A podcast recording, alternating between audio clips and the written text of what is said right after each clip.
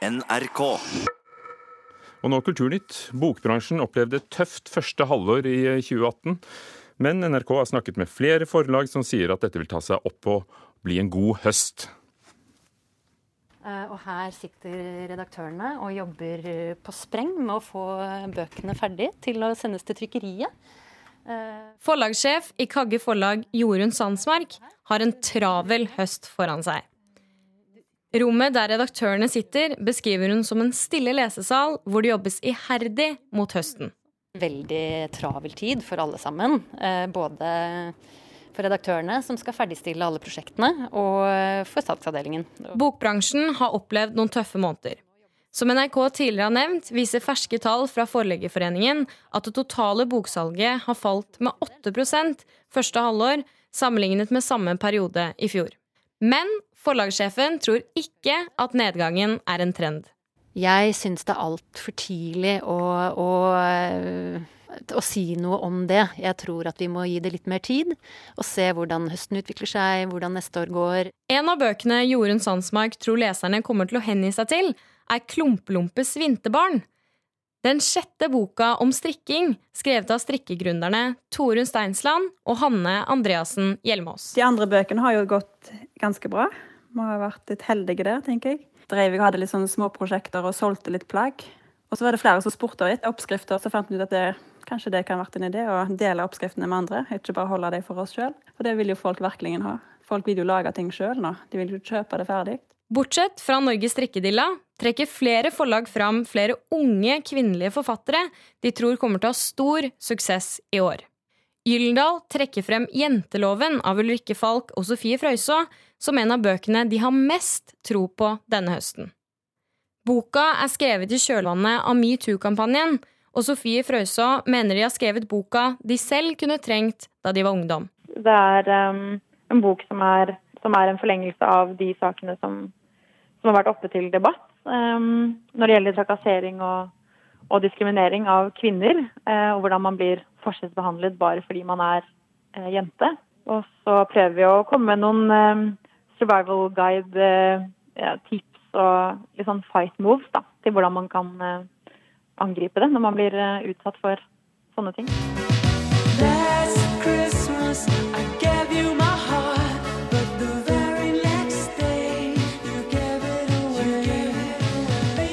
Fremtiden til bokbransjen den vet vi ikke før i juletider. Men forlagssjef i Kagge har stor tro på selve boka. Eh, jeg tror at den er eh, mer nødvendig enn noen gang før. At man leser, at man får fordypet seg.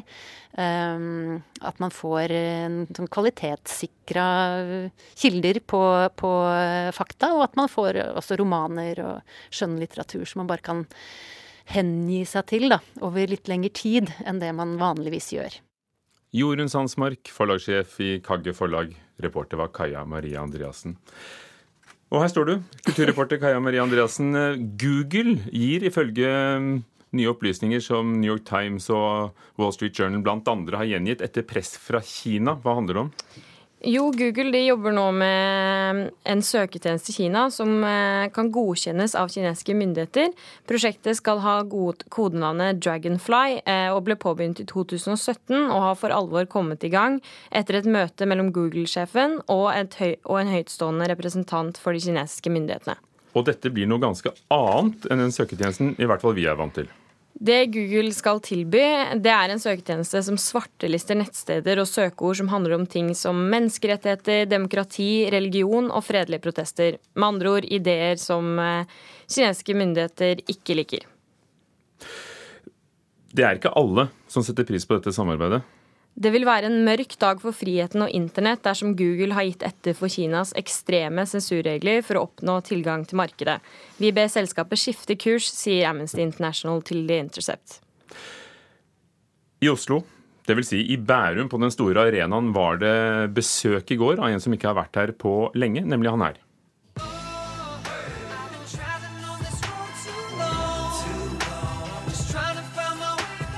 Justin Timberlake, hvordan ble han mottatt? Det var veldig delt. Eh, eh, anmelderen var veldig uenig, mens Dagbladet kaller han den største pop-entertaineren i sin generasjon, skriver VGs anmelder at artisten gjorde skam på sine eh, egne popsanger. VGs anmelder gikk så langt, så lavt, som å gi en toer på terninger. Hva var det som gikk så galt?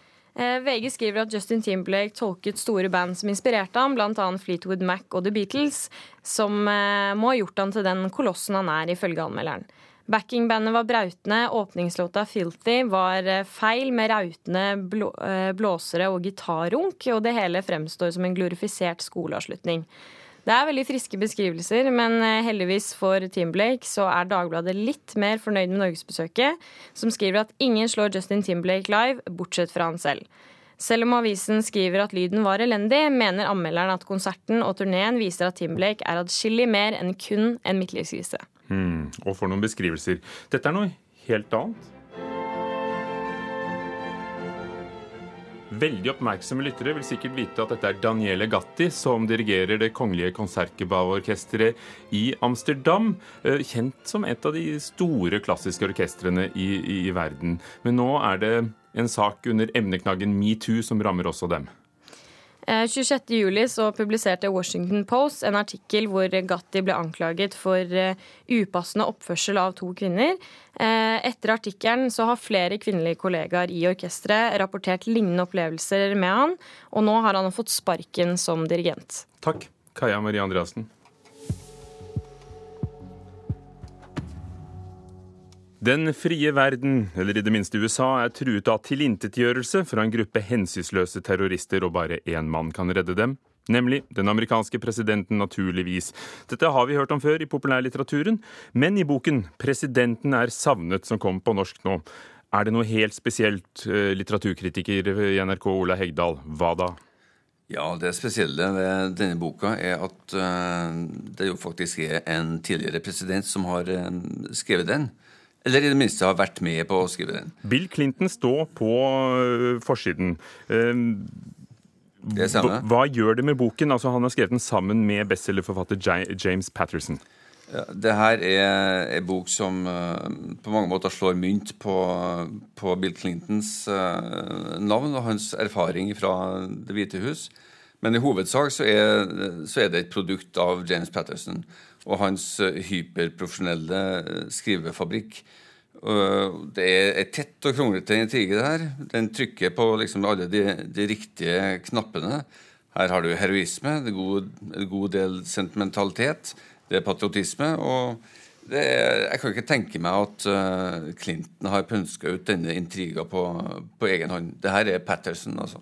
Men hva gjør det da med en sånn thriller at Clinton har satt navnet sitt på det. Han er jo kjent for likekrim, blir ofte tatt bilde av på vei inn uh, på presidentflyet med kjente krimforfattere i hånden, godt synlig. Ja, det, det, skjer noe ganske interessant når du uh, begynner å lese en sånn bok som har Bill Clinton og presidenten uh, som to signalord på, på forsida. Og du møter en førstepersonsforteller som er president, som har et, et liv som ligner ganske mye på Bill Clinton. Um, og du, du, begynner uvilkårlig å tenke på Bill Clinton i, i hovedrolla. Så Clinton blir på en måte casta som hovedperson i denne, i denne thrilleren. Um, Hva er det, bidraget hans, tror du? Altså, det, det, er ikke så godt å si. Men vanligvis så bruker Patterson å skrive storparten av eh, Eller all intriga, og så overlater han eh, det stilistiske til sin medforfatter. Men i dette tilfellet så tror jeg at uh, Patterson har gjort uh, så å si alt av skrivearbeidet. Men du kan, du kan, se sprekkene mellom eh, Clinton og Patterson her og der. Og Clinton får lov til å ri rundt på noen, noen politiske kjepphester og vise fram sin sosiale samvittighet og, og markere at han fortsatt har de rette tankene og rette meningene. Spesielt i en sluttale til Kongressen, som er bortimot ren, uh, rent Bill Clinton. Men ellers er det Patterson stort sett uh, hele veien. Men ok, Clinton bidrar også med en del, uh, en del innsikt i hvordan ting fungerer i Det hvite hus, og litt lokal koloritt. Han har vært flink til å utelate politikken, skrev anmelderne i, USA da den kom der i, i, juni og fikk kjempestor oppmerksomhet, selvfølgelig. Eh, men er det Vil vel ikke frastøte seg republikanske lesere, vil jeg tro. Men er det Bill Clinton som på egen hånd ordner opp i brasene? Ja, det, det, er jo sånn det kan virke, da. Fordi som sagt, denne eh, presidenten, denne figuren, er så tett opp, lagt opp til Bill Clinton at uh, du, får en, du får en forestilling om at det her er Bill Clintons fantasi om hvordan han kunne ha fiksa opp i verden hvis, kunne, hvis alt hadde gått uh, hans vei. Og Det er en slags idealisert utgave av, uh, av Clinton, det, det, her. Og navnet på presidenten i boka er, er for øvrig Jonathan Lincoln Duncan, mot da Clintons navn, som er William Jefferson Clinton. Og de Navnene ligner en del. ikke sant? Og det, og det, det er til og med en, eh, en, av de legendariske amerikanske presidentene som, som mellomnavn. Ola Hegdal, er det en god bok? Det er en uh, proft gjennomført og uh, særdeles effektiv spenningsmaskin. Det, her. det er det du trygt kan kalle en uh, page turner. Litt for glatt og kanskje litt for selvopptatt for, for, min smak, men som ren eskopisme så fungerer det perfekt.